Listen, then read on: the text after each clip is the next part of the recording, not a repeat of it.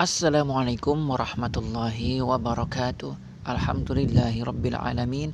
اللهم صل وسلم على سيدنا محمد وعلى آل سيدنا محمد. صلاة تنجينا بها من جميع الأهوال والآفات وتقضي لنا بها جميع الحاجات وتطهرنا بها من جميع السيئات وترفعنا بها عندك أعلى الدرجات وتبلغنا بها أقصى الغايات من جميع الخيرات في الحياة وبعد الممات. Teman-teman semua yang berbahagia, kita jumpa lagi di Karib Channel ah, bersama saya Aji Bramastra. Nah, pada kesempatan kali ini kita akan membincangkan bagaimana salah satu metode penyembuhan atau metode syifa dengan mendaya gunakan fadilah dari lafal basmalah alias bismillahirrahmanirrahim. Nah, teman-teman semua, kita mengenal ada banyak metode penyembuhan yang biasa digunakan oleh para ulama di masa salaf, juga para tabib atau para dokter sampai kemudian pada masa kita sekarang ini. Kalau sekarang barangkali kita mengenal dengan menggunakan ada ramuan-ramuan herbal, kemudian kita juga mengenal kedokteran modern yang menggunakan berbagai macam obat-obatan, baik itu obat yang dari alam maupun juga obat-obatan kimia. Nah, kemudian kita juga mengenal ada pengobatan penyembuhan dengan metode alternatif. Ada metode yang menggunakan ruqyah, dibacakan jambi-jambi atau mantra-mantra atau juga doa-doa. Kemudian kita juga mengenal uh, misalnya metode klasik seperti pijat, kerok ataupun kerik, urut dan sebagainya. Nah, semuanya adalah metode-metode penyembuhan. Nah, kesempatan kali ini kita akan mengupas fokus kepada satu saja yakni metode penyembuhan atau pengobatan dengan bismillahirrahmanirrahim.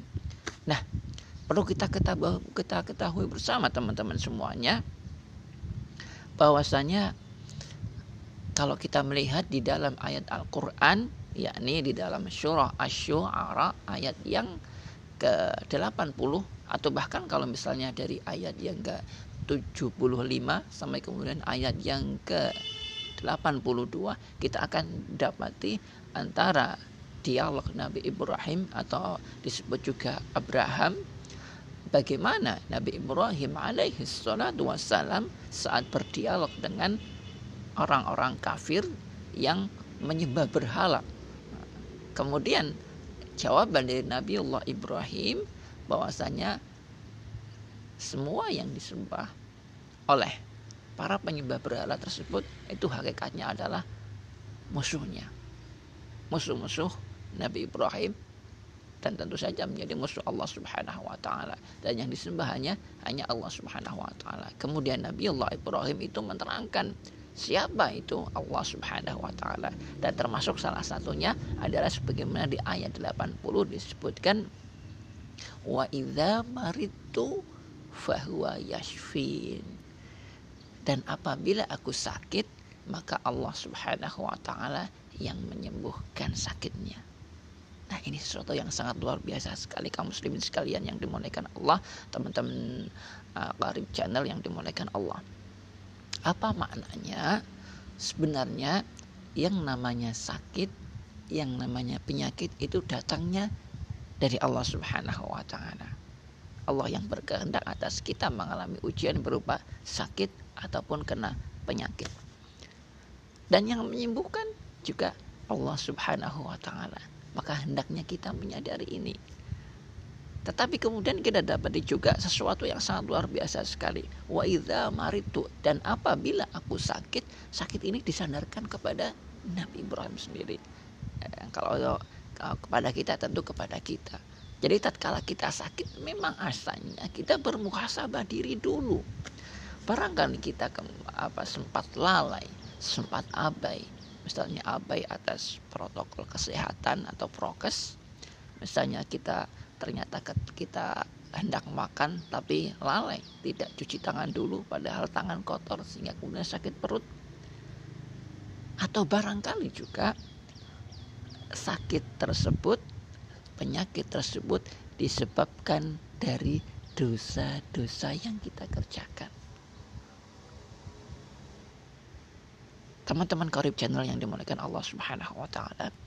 Karenanya yang perlu kita ingat dulu eh, kita beningkan diri kita dulu ingat bahwa yang memberikan sakit adalah Allah yang menyembuhkan juga adalah Allah Subhanahu wa taala. Kemudian yang kedua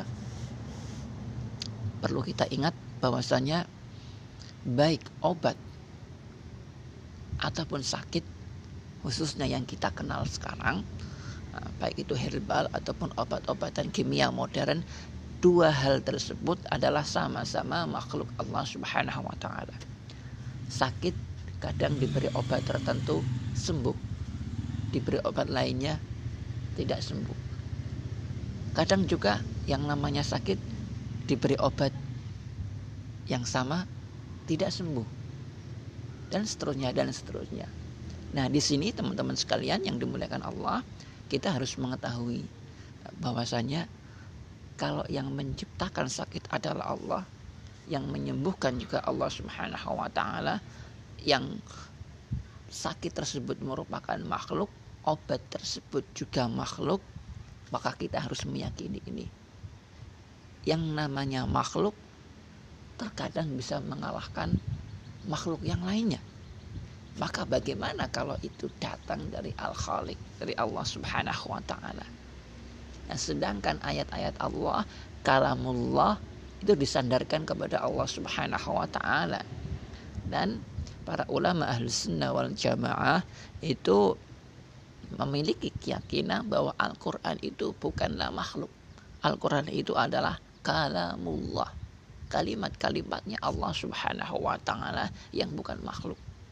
Nah, karenanya tentu saja yang datang dari Khalik disandarkan kepada Khalik, disandarkan kepada Allah, maka pasti akan mampu untuk uh, untuk mengalahkan makhluk. Nah, sakit di sini adalah makhluk, sedangkan kalamullah adalah kalamnya Allah Subhanahu wa taala. Itu keyakinan kita, yakni ayat-ayat Allah Al-Qur'an itu pasti pasti mampu untuk menyembuhkan menyembuhkan aneka macam sakit dan penyakit baik itu zahir maupun batin insyaallah biiznillah. Nah kemudian yang ketiga nah kita akan masuk kepada tata caranya.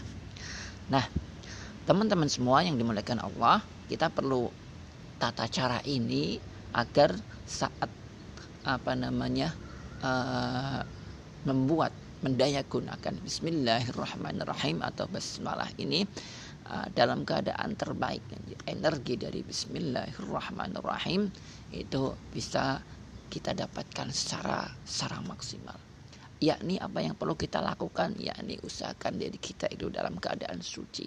Suci dari hadas besar maupun juga suci dari, dari hadas kecil. Begitu juga suci dari dari najis, suci pakaian kita, suci badan kita, begitu juga tempat yang kita gunakan. Semuanya diusahakan untuk suci. Nah, kemudian juga dalam keadaan dalam keadaan tenang, nah, dalam keadaan tenang, dalam keadaan nyaman. Nah, kemudian apa namanya? Ah, kita sediakan air nah, kira-kira satu mut atau sekitar setengah liter nah, kita taruh di dalam wadah yang bersih syukur-syukur yang baru yang warnanya putih ataupun bening. Diusahakan jangan menggunakan wadah yang terbuat dari plastik. Nah, meskipun tidak ada larangan tapi alangkah baiknya kalau kemudian wadah yang kita gunakan bukan terbuat dari plastik. Nah, bisa dari kaca dari beling ataupun dari keramik. Bisa berbentuk uh, mangkuk bisa berbentuk uh, ataupun sejenisnya nah kemudian teman-teman semua teman-teman korip channel uh, kita lanjutkan lagi. Uh, kita taruh wadah berisi air tersebut di depan kita. Uh, jangan terlalu jauh yang agak dekat saja. Nah kemudian dekatkan apa namanya mulut kita agar tidak terlalu jauh. Bisa di atasnya persis atau kemudian apa namanya sedikit bergeser. Tidak tidak apa-apa. Yang penting berada di di depan kita. Dan sekiranya yang suara yang kita keluarkan saat membaca Bismillah maupun ayat-ayat Allah itu kalau seandainya kita dengarkan dengan jarak segitu kita masih masih mendengar. Dia taruhlah kira-kira sekitar satu jengkal. Nah pertama adalah kita membaca surat Al-Fatihah yang itu diniatkan untuk mencari keridhaan Allah Subhanahu wa taala. Nah, insya Allah kita semua sudah uh, hafal surat Al-Fatihah. Membacanya tidak usah pelan-pelan, ah, tidak usah tergesa-gesa, tidak usah terlalu cepat ataupun juga terlalu pelan. Nah, cukup seandainya kita membaca secara tartil. Misalnya adalah seperti ini. A'udzu billahi. بسم الله الرحمن الرحيم الحمد لله رب العالمين الرحمن الرحيم مالك يوم الدين إياك نعبد وإياك نستعين. اهدنا الصراط المستقيم. صراط الذين أنعمت عليهم غير المغضوب عليهم ولا الضالين. Amin. Nah, membaca surat Al-Fatihah tersebut bisa kita ulangi. Satu kali tidak mengapa, tiga kali bagus, lima kali tidak apa-apa, tujuh kali juga tidak apa-apa, atau bahkan juga boleh sebelas kali ataupun dua puluh satu kali. Nah, setelah selesai kita membaca surat Al-Fatihah, maka kemudian kita tiupkan ke air tersebut, ke air yang ada di depan kita. Uh, kemudian setelah kita selesai, maka kita selanjutnya membaca Bismillahirrahmanirrahim sebanyak 786 kali. Yakni kita membaca basmalah dengan lafal Bismillahirrahmanirrahim sebanyak 786 kali. Membacanya dengan kecepatan sedang apa namanya ah, tidak usah terlalu pelan-pelan juga tidak usah terlalu cepat. Misalnya sebagai contoh adalah seperti ini. بسم الله الرحمن الرحيم بسم الله الرحمن الرحيم بسم الله الرحمن الرحيم بسم الله الرحمن الرحيم بسم الله الرحمن الرحيم بسم الله الرحمن الرحيم nah, sampai kemudian kalau sudah sampai pada hitungan yang ke 100 maka kemudian sekali lagi kita tiupkan ke air yang ada di depan kita. Seperti ini misalnya apa nah, misalnya seperti itu. Kemudian begitu juga ketika setelah selesai hitungan yang ke 100 kita lanjutkan lagi. Bismillahirrahmanirrahim. Bismillahirrahmanirrahim. Bismillahirrahmanirrahim. Sampai hitungan ke 200 nah kita lakukan hal yang sama. Tiupkan lagi ke air tersebut Nah, tiap hitungan ke 100 ini kita tiupkan ke air. Nah, sampai kemudian yang terakhir setelah selesai 700, kemudian kita tambah 86 kali lagi. Kita tiupkan ke air tersebut. Nah, ini ada tambahannya disertai dengan sedikit meludah bentuk air tersebut.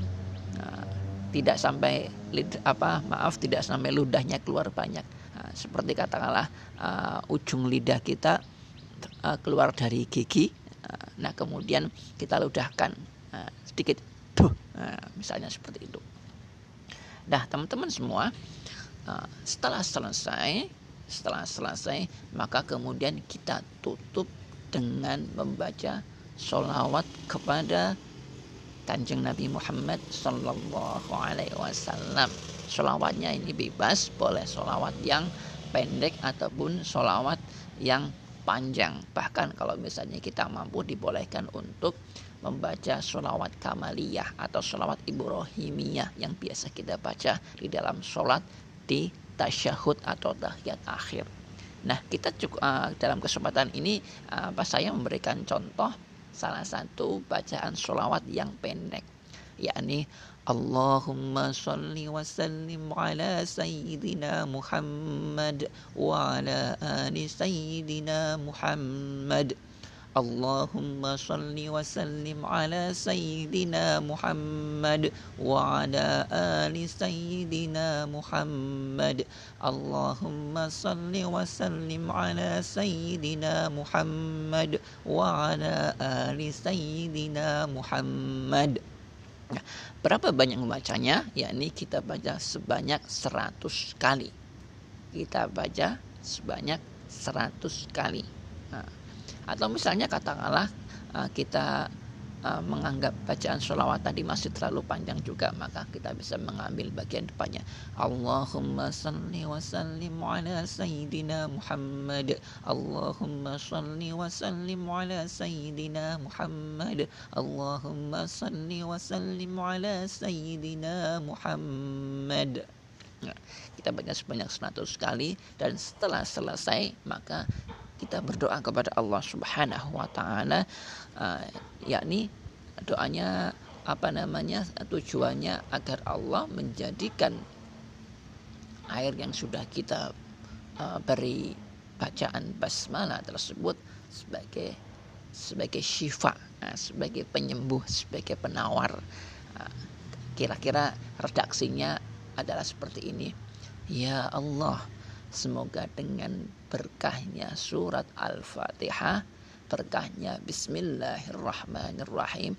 Dan solawat kepada Nabi Muhammad Sallallahu Alaihi Wasallam, engkau jadikan air ini sebagai syifa, sebagai penawar dan penyembuh untuk segala sakit dan penyakit, baik lahir maupun batin. Amin ya Rabbal Alamin.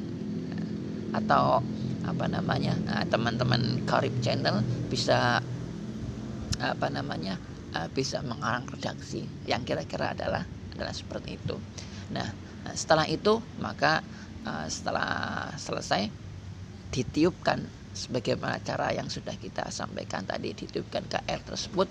Nah setelah itu airnya bisa kemudian kita tutup. Nah teman-teman sudah jelas kan caranya?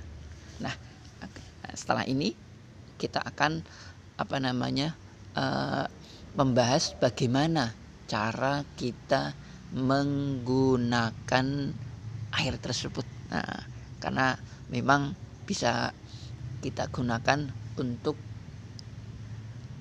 diminum ataupun juga untuk untuk mandi, tetapi memang ada caranya. Nah, di kesempatan lain di episode lain nanti akan kita apa namanya sampaikan. Atau mungkin barangkali masih segmen setelah ini. Sampai jumpa lagi di Karib Channel. Saya Aji Wibra Master Nah baik kita lanjutkan lagi ya. Tadi kita sudah mengetahui bagaimana cara membuat air syifa atau air penyembuh dengan menggunakan Bismillah, Bismillahirrahmanirrahim. Nah selanjutnya adalah bagaimana cara kita menggunakan air tersebut. Yang pertama adalah apa namanya uh, bagi air tersebut kira-kira menjadi enam bagian. Nah, tidak usah dikeluarkan, tapi hanya secara secara secara perkiraan saja. Karena ini memang akan kita gunakan untuk diminumkan kepada orang yang sakit, kira-kira untuk tiga hari nah, untuk tiga hari. Nah, uh, cara meminumkannya adalah diminum ketika hendak tidur malam. Jadi setelah minum air tersebut maka dia tidak makan ataupun minum apa-apa lagi sampai dia sampai dia sampai dia tidur. Nah, kemudian setelah itu setelah terbangun dari tidur di waktu pagi sebelum makan ataupun minum apa pun. Nah kemudian kita minumkan lagi. Nah, bagian yang kedua saat saat itu. Ya ini saat saat sebelum makan ataupun sebelum sebelum minum apa pun. Nah, juga jangan lupa nah, bagaimana adab ketika hendak makan, adab ketika hendak minum, termasuk juga adab ketika kita minum air air, air tersebut nah, sebagai sebagai obat. Niatkan untuk mencari kesembuhan dari Allah Subhanahu wa taala dan berusahalah nah, agar nanti kalau misalnya ada sembuh dengan berkah air tersebut, dengan wasilah air tersebut, maka anda akan berusaha untuk menjadi hamba Allah Subhanahu wa taala yang lebih bersyukur, yang banyak bertobat, yang banyak mensucikan diri, yang banyak beramal soleh. Nah, kemudian apa selanjutnya adalah bagian air yang lainnya ah, tadi kita sudah membagi menjadi enam kira-kira menjadi enam bagian maka masih ada empat bagian lagi maka kita lakukan hal yang sama pada malam selanjutnya dan juga pada pagi hari pagi hari selanjutnya selama selama tiga hari kita minumkan. Nah kemudian teman-teman teman-teman semua selanjutnya adalah yang kedua. Nah, kalau kemudian kita menggunakan air tersebut untuk minum dan juga untuk mandi. Seperti misalnya untuk meruqyah orang yang sakitnya sudah sangat parah atau juga termasuk orang uh, yang kerasukan misalnya kesambet dan sebagainya nah, maka itu bisa juga dengan dimandikan. Termasuk juga untuk mereka yang kena ain itu bisa dimandikan dengan dengan air tersebut ya. kalau yang itu maka uh, bisa juga menggunakan air tersebut yakni sisanya yang apa namanya masih empat bagian tersebut bisa digunakan untuk campuran orang yang hendak mandi. Nah, misalnya kita sediakan seember air, maka kemudian kita ambil kira-kira seperenam bagiannya untuk campuran air tersebut. Atau kalau misalnya kita dari awal memang sudah um, hendak menggunakan air syifa basmalah tersebut hendak digunakan untuk sekalian mandi maka buat dengan ukuran yang lebih banyak lagi. Bisa kira-kira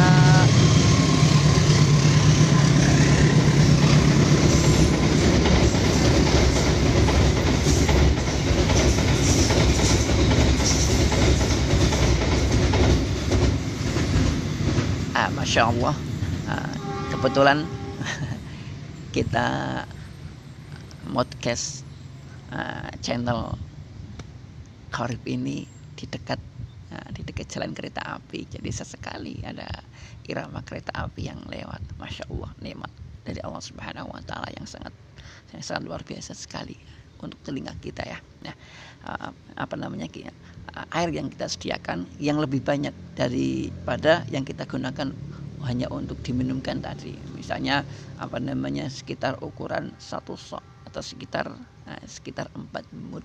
Nah, berarti kira-kira adalah sekitar uh, apa namanya 2 liter ya. Nah, sekitar 2 liter. Hmm, kita juga ditempatkan di tempat yang lebih besar lagi seperti misalnya baskom ataupun juga sejenisnya atau ember yang tidak terlalu besar atau, atau sejenisnya kita bacakan seperti tata cara yang sudah kita sampaikan di segmen yang pertama tadi. Nah, kemudian air air tersebut kita bagi menjadi dua atau menjadi tiga. Nah, yang setengahnya lagi itu bisa digunakan untuk minum yang sekitar satu liter. Nah, adapun setengahnya nanti untuk campuran untuk campuran air untuk campuran mandi air mandi. Nah, atau juga kita cukup mengambil sekitar sepertiganya dua per tiga nanti digunakan untuk untuk mandi Nah, karena sepertiganya nanti kita gunakan juga untuk tiga hari, kemudian juga apa yang apa dua pertiganya yang kita buat yang khusus untuk mandi itu juga kita gunakan untuk untuk tiga hari, nah, yakni untuk mandi baik di waktu pagi maupun juga di waktu di waktu sore. Nah, uh, teman-teman semua, insya Allah ini sudah cukup jelas ya bagaimana kita menggunakan air tersebut untuk minum ataupun juga air tersebut digunakan untuk untuk mandi. Nah, kalau untuk minum nah, cara minumnya jangan lupa yakni sebelum tidur kita minumkan nah, kemudian juga saat bangun kita minumkan sebelum makan dan minum apa pun. Nah, kemudian saat mandi kita campurkan dengan air yang mau kita gunakan untuk mandi. Atau juga kalau misalnya kita mau agak sedikit ribet, kita bisa menyiapkan air hangat, kemudian dicampur sedikit garam. Nah, kira-kira ya sekitar apa sekitar satu sendok ya garam garam yang biasanya yang garam krosok atau garam kasar itu nah kita gunakan tadi aduk kemudian ditambahkan dengan dengan dengan air syifa tersebut. Nah, itu digunakan digunakan untuk mandi ataupun memandikan orang yang terkena kena sakit, penyakit ataupun juga kerasukan ataupun kesambetnya. Nah, uh, kawan kawan-kawan semua dari uh, para pendengar Korib Channel yang semoga dimuliakan Allah Subhanahu wa taala. Nah, kemudian air syifa ini bisa kita gunakan untuk apa saja? Nah, ini juga sering menjadi pertanyaan. Apakah hanya sekedar untuk sakit yang secara lahir saja ataupun juga untuk penyakit-penyakit apa begitu? Nah, nah, di awal ini sudah kita sampaikan ya. Nah, sebenarnya air syifa ini bisa digunakan bisa digunakan untuk mengobati berbagai macam berbagai macam penyakit apa saja lahir maupun batin yang nampak maupun yang tidak tampak. Tetapi sekali lagi kita sampaikan karena ini menggunakan ayat-ayat Allah Subhanahu wa taala, maka kekuatannya adalah terletak pada keikhlasan kita dan pengharapan kita kepada Allah Subhanahu wa taala. Karenanya kalau kita semua membacanya dengan mantap ikhlas karena Allah, mengharapkan keridhaan Allah, mengharapkan kesembuhan dari Allah Subhanahu wa taala, maka insya Allah air yang kita buat ini akan semakin manjur. Istilahnya ya obat yang kita buat ini akan mujarab, nah, obatnya paten. Adapun kalau kemudian kalau kemudian kita ah, barangkali karena kita semua tentu saja sebagai manusia tidak lepas dari salah dan dosa sehingga kemudian air yang kita buat barangkali tidak terlalu manjur tapi insya Allah ini tetap ada hikmahnya. Ya ini apa? Ini akan uh, merontokkan saluran-saluran yang kotor di dalam di dalam tubuh kita. Uh, baik itu saluran uh, yang kaitannya dengan pencernaan maupun juga saluran-saluran yang terkait dengan dengan peredaran darah. Karena air yang kita gunakan ini adalah termasuk air syifa yang sudah dibacakan ayat-ayat Allah Subhanahu wa taala. Meskipun itu itu hanya bismillahirrahmanirrahim tapi ini akan membersihkan membersihkan diri kita. Nah ah, teman-teman korip channel yang dimuliakan Allah Subhanahu wa taala ah, tentu saja apa namanya ah, kalau kemudian kita sudah mengetahui hal tersebut yakni karena menggunakan ayat-ayat Allah sehingga akan tergantung dengan situasi uh, dan kondisi hati kita saat membacanya. Maka itulah mengapa di caranya uh, kita sampaikan agar membaca ini dengan dalam kondisi suci suci badan suci pakaian suci tempat dalam dalam keadaan tenang.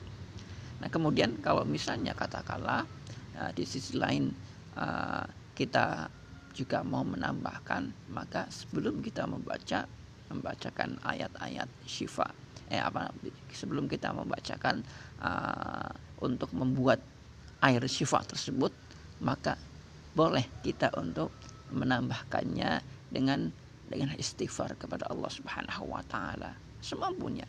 Boleh satu kali boleh tiga kali atau bahkan boleh sampai seratus kali ataupun lebih misal dengan hafal ini astaghfirullahalazim Astaghfirullahalazim.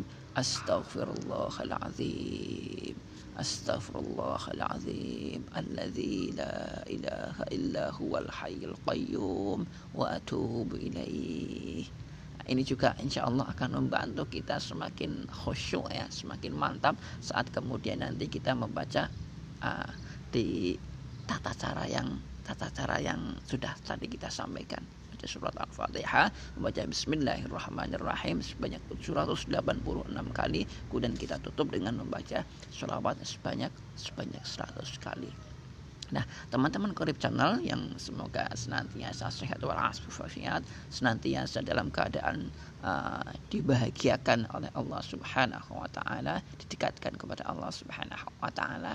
Uh, Insya Allah pada kesempatan yang lain kita juga akan menyampaikan uh, bagaimana hmm, bagaimana kemudian uh, cara kita melakukan pengobatan dengan berbagai macam ragam metode tapi kita fokuskan untuk menggunakan ayat-ayat Allah Subhanahu wa taala saja bukan dengan cara-cara yang lainnya insya Allah. Nah, uh, sebagai penutup di kesempatan kali ini kita sampaikan juga bahwa selain juga untuk mengobati berbagai macam sakit dan penyakit baik lahir maupun batin termasuk juga untuk mengobati apa namanya uh, rekan uh, untuk mengobati apa namanya gejala-gejala tatkala terkena pandemi Covid-19 ataupun juga flu ataupun demam ataupun juga meriang bahkan juga termasuk penyakit-penyakit parah yang lainnya maka ini juga bisa kita gunakan untuk preventif jadi selain untuk kuratif pengobatan penyembuhan maka ini juga bisa untuk preventif untuk untuk mencegah nah bagaimana caranya Bagaimana caranya? Nah, ini kita bisa menggunakannya air yang sudah kita buat tersebut itu bisa kita gunakan untuk untuk sekitar apa namanya kita bagi menjadi uh, boleh menjadi tujuh bagian boleh juga menjadi yang lebih lebih dari itu nah, kalau kita biasanya membagi menjadi tujuh ataupun juga sampai 14 hari Nah, kapan kita minum? Kita menggunakannya air tersebut kita minum setiap hendak tidur. Kalau misalnya kita lupa ketika akan hendak tidur, maka apa bisa kita minum ketika pagi sebelum minum ataupun makan apa pun sebelum aktivitas aktivitas apa pun. Nah, kecuali tentu saja apa namanya sholat subuh. Karena itu memang harus didahulukan sebelum aktivitas yang lainnya. Atau barangkali bagi kita yang sahur ketika akan melaksanakan puasa sunnah maka bisa diminum ketika ketika sahur nah, di penutup ya di penutup. Nah, teman-teman semua yang dimuliakan Allah Subhanahu wa taala, nah, uh, meskipun kita katakanlah sudah melakukan tindakan kuratif dengan mengkonsumsi air syifa tersebut tetapi kita juga jangan abai terhadap protokol kesehatan terhadap tata cara hidup sehat dan seterusnya. Begitu juga apa tatkala kita sudah apa namanya eh, secara preventif menggunakan air tersebut kita tetap harus berserah diri kepada Allah Subhanahu wa taala seraya juga dengan menggunakan ikhtiar eh, zahiriyah kita biasakan untuk kita hidup sehat. Cukup makan cukup minum cukup istirahat dan juga menjaga kebersihan. Baik itu kebersihan badan kita pakaian kita maupun lingkungan kita. Lingkungan rumah lingkungan kerja dan juga lingkungan pergaulan kita. Nah, kalau misalnya eh, sebagai contoh misalnya katakanlah apalagi di rumah diusahakan. Jangan sampai ada makanan sisa yang sampai membusuk ataupun juga ada sampah yang ada di dalam rumah kita. begitu kemudian sebelum waktu maghrib usahakan semuanya sudah sudah berada uh, sudah kita buang di tempat sampah. Hmm, itu salah satu caranya. Misalnya juga uh, yang biasa sering terjadi adalah uh, sisa dari makanan baik itu di piring ataupun juga apa di alat-alat yang kita gunakan untuk makan untuk memasak. Maka diusahakan diusahakan apa namanya sebelum kita tidur itu semuanya sudah dalam keadaan sudah dalam keadaan bersih.